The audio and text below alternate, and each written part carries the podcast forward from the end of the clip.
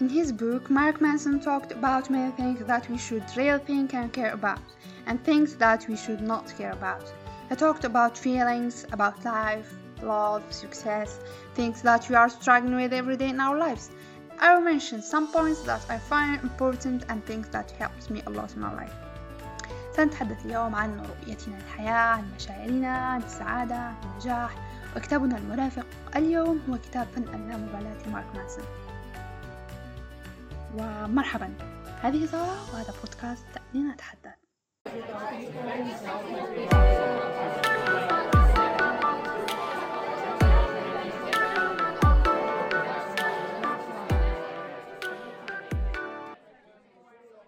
قبل كل شيء أريد منكم أن تسألوا أنفسكم هل غضبتم يوما لشعوركم بالغضب؟ أو شعرتم بالقلق لأنكم قلقون؟ اسأل نفسك مرة أخرى لماذا أغضب من حقيقة أنني غاضب؟ وما الذي غيره غضبي من هذه الحقيقة؟ الحقيقة أن الإعلانات ووسائل الإعلام هي التي جعلتنا نحتقر وجود مثل هذه المشاعر ونسعى دائما لنكون أشخاص مثاليين توقف عن رؤية نفسك من الخارج وانظر إليها من الداخل اسأل نفسك هل القلق والغضب فعلا مشاعر سلبية في معناها المطلق؟ هل يحق لي الشعور بالمعاناة والألم والحزن والغضب وغيرها؟ إذا كانت إجابتك بلا يعني أنه لا يحق لك فلما أنت هنا؟ لما أنت على قيد الحياة بعد؟ الحياة مزيج من هذا كله. الحياة تحمل الحزن والسعادة. الحياة راحة ومعاناة. ولو لم يكن هناك حزن كيف كنا سنعرف معنى السعادة؟ المعنى لا يتحقق إلا بوجود النقيض وسعادتنا تتحقق بحلنا للمشكلات وهذه هي الحياة. عليك أن تدرك هذا وأن تتمعن به. شعورك بالقلق والغضب والحزن وغيرها هو أمر طبيعي وجزء منك كإنسان. لكن حين لا تتقبل هذا الأمر فستدخل في حالة مكررة من هذه المشاعر. مثال أنت تقلق بشأن مشكلة ما ثم تقلق لأنك قلق بشأن هذه المشكلة ثم تدرك أنك قلق من قلقك بشأن هذه المشكلة وهكذا. تدخل في حالة من القلق المكررة. ذكره الكاتب بمصطلح الحلقة الجحيمية. نفس الشيء بالنسبة للغضب وهذا يخلف شعورا سيئا لديك. ما يميزنا هو وعينا. لذلك حين تعي مشاعرك حاول أن تتقبلها أولا. ليس سيئا أن تشعر بالغضب. ليس سيئا أن تشعر بالحزن. ولا تحاول التخلص من هذه المشاعر بالهرب منها وقمعها لأن في محاولاتك للتخلص من هذا الشعور تجد نفسك غارقا به ما يجعلك ترى نفسك كشخص فاشل. إذا الحل هو أن تتقبل هذه المشاعر وأن لا تحاول الهرب منها. وانتبه إلى ما يجعلك ترى نفسك بدونية وباحتقار. وما يشوه نظرتك خاصة أن وسائل التواصل الاجتماعي حاليا. وفي عصرنا هذا تجعلك تشعر أن الجميع في سعادة في حين أن السعادة شعور غير دائم. ربما أحدهم يصور نفسه وهو يسوق سيارة فارهة فتشعر أنه أكثر سعادة منك. وهذه من مساوئ ثقافة الاستهلاك أيضا. أنها تصور لنا السعادة في امتلاك المزيد من الأشياء والأفضل منها دائما. نحن نتعرض للإعلانات الموجهة لتغير قناعتنا وتدفعنا للشراء منذ نعومة أظافرنا. يوميا تمر علينا المئات أو ربما الآلاف من الصور التي تجعلك تشعر أن حياتك بائسة مقارنة بحياة الآخرين. كما أنه إذا انتابك شعور سيء تجاه نفسك فستجد على الفور مئات الصور لأشخاص سعداء ويعيشون حياة رائعة وربما هذا ما يخيل إلينا. الحل هو اللامبالاة. حاول أن تعيش حياتك في نطاق ما تملك وما تستطيع فعله. من يصور لك السعادة في امتلاك سيارة من آخر طراز هذا لا يهتم لسعادتك أصلا. هذا يدفعك لشرائها فقط.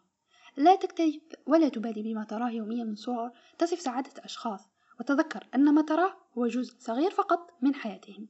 وحاول أن تصنع سعادتك بنفسك من خلال تخطي بعض مشكلات حياتك. وتذكر دائما أن تكون شخصا عاديا بسيطا غير استثنائي فهذا ليس فشلا.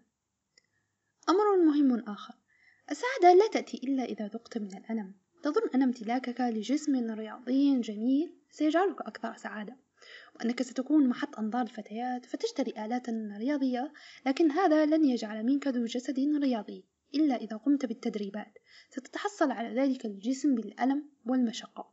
حياتنا مليئة بالمشكلات. وسعادتنا تأتي من حلنا لهذه المشكلات. لكن ستكون الحياة صعبة. لو أنكرت وجود هذه المشكلات وظننت أن هناك من يعيش حياة مثالية خالية من أي معاناة.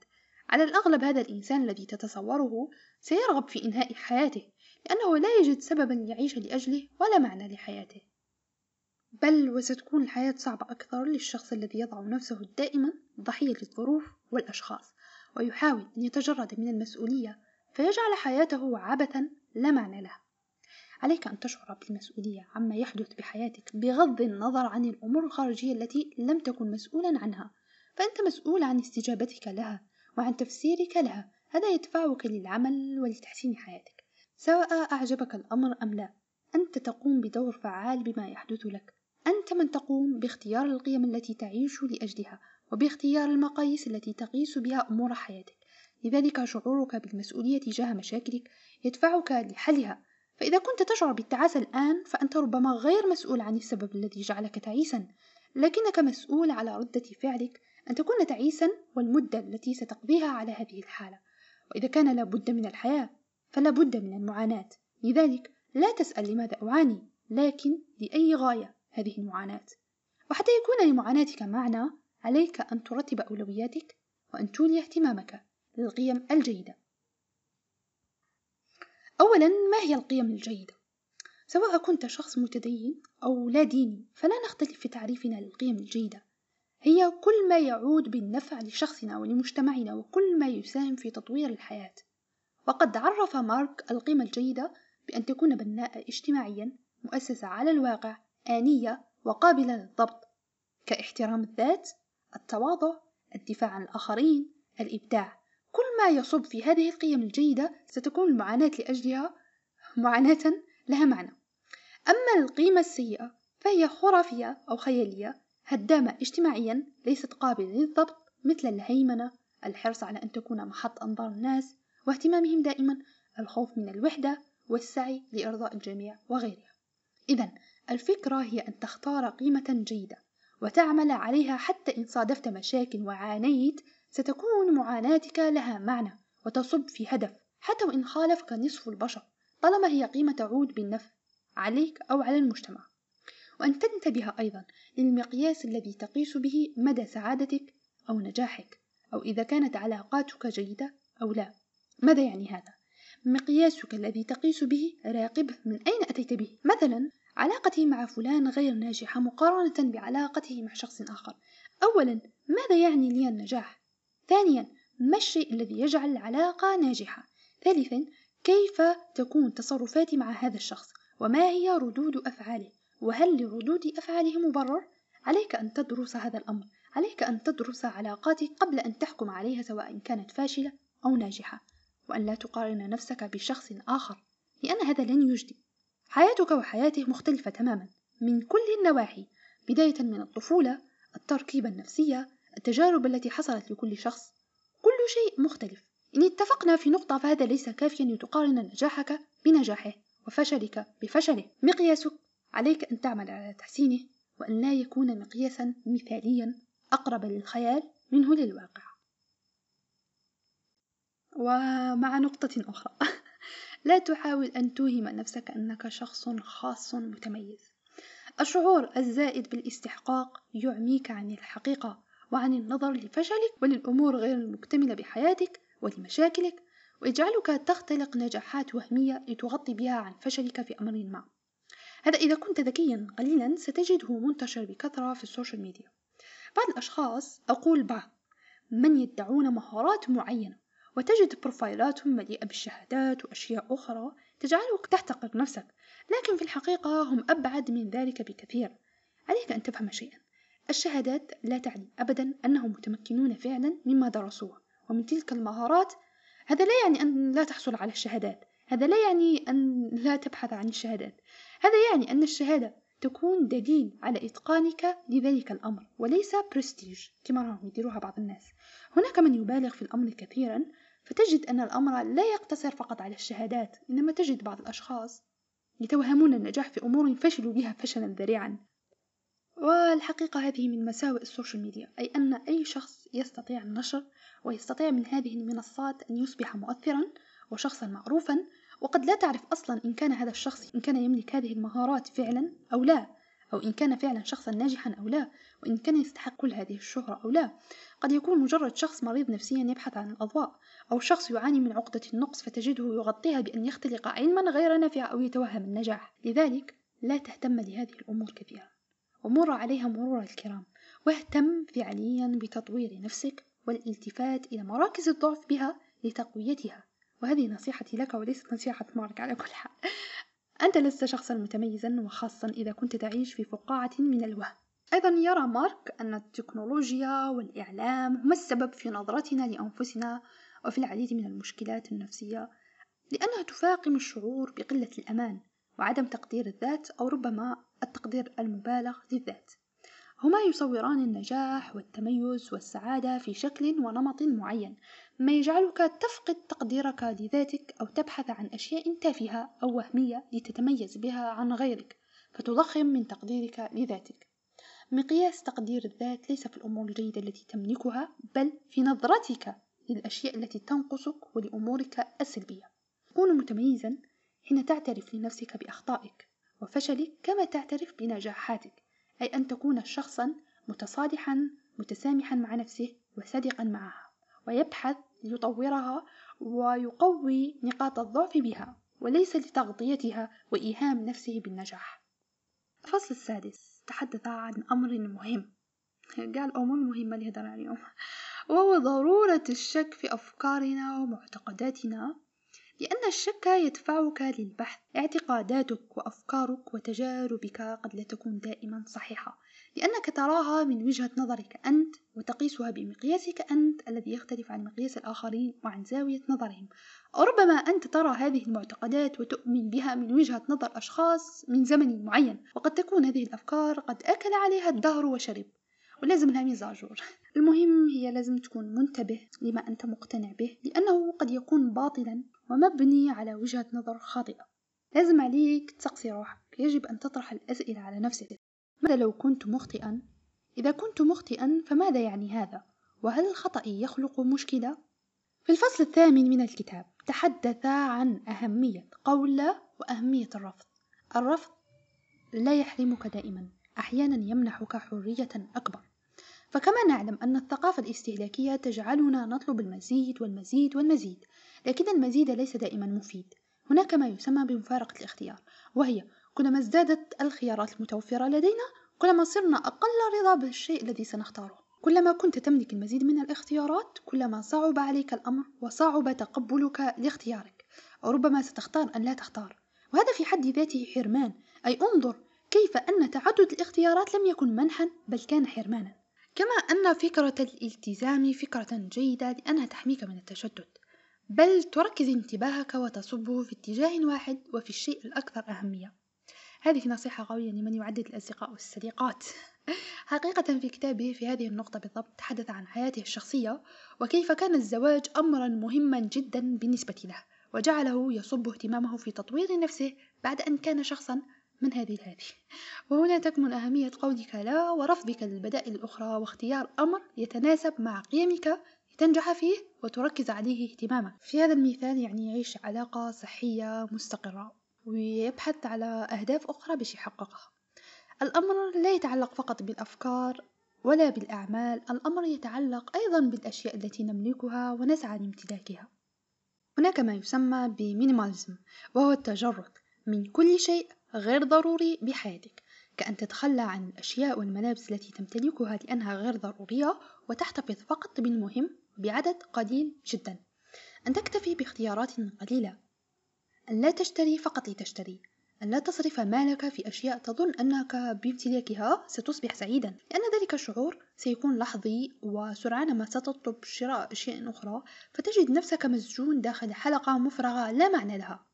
وفي بحثك عن السعادة تقوم بالعمل والكدح لتشتري أشياء تظن أنها ستجعلك سعيدا لكنها ستكدس مع بقية الأشياء الأخرى.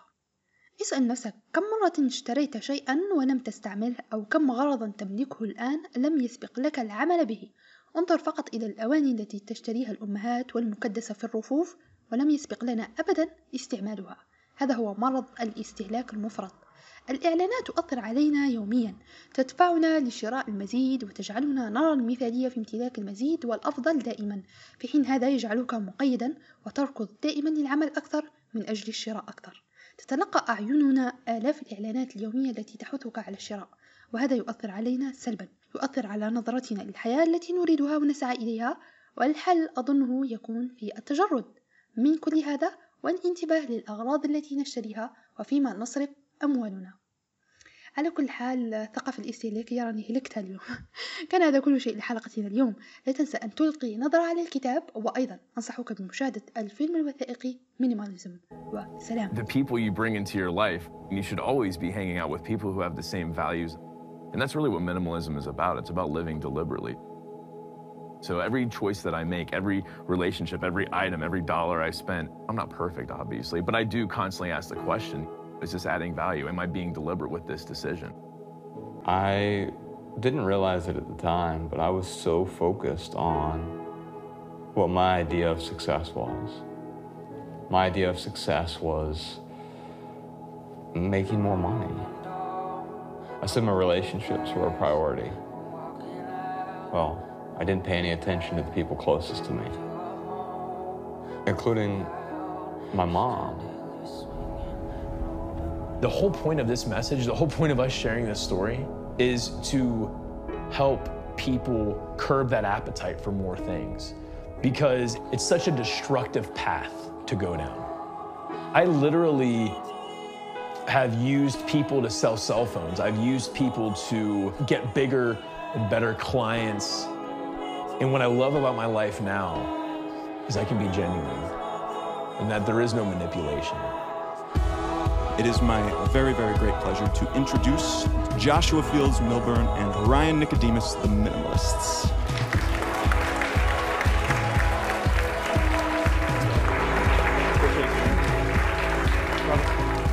Imagine a life with less. A life of passion unencumbered by the trappings of the chaotic world around you. Well, what you're imagining is an intentional life. It's not a perfect life, and it's not even an easy life, but a simple one. What I found with minimalism is it's a way of saying, let's stop the madness. You don't need this stuff. Like, it's not going to do it. It's not the answer. There's a movement growing. I don't think that there's a cap to it. I'm now surrounded by people who are inspired and creating massive social change and impact. The depth and profundity of my relationship is, is beyond anything I could have ever imagined. When you recognize that this life is yours and that it is your one and only, and when that ceases to be the uh, esoteric bullshit, when that's not hippie poetry anymore, when the pragmatism of that statement seeps directly in your bones and you recognize that this is it, everything changes. I don't know where you are on your journey, where you are in life, or wherever you're going on that journey, but we are really grateful you're here with us tonight. So if I could give you one takeaway, one thing to bring away from all of this, it, it'll be this. Love people and use things, because the opposite never works. Thank you so much for coming out.